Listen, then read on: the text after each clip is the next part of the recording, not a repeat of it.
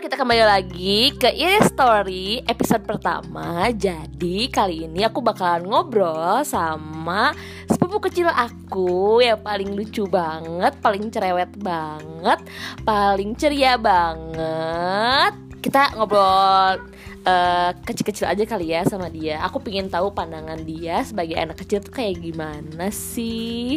Coba setelah kita panggilin Diba Oh, Abis juga mau ikut. Sini Biba.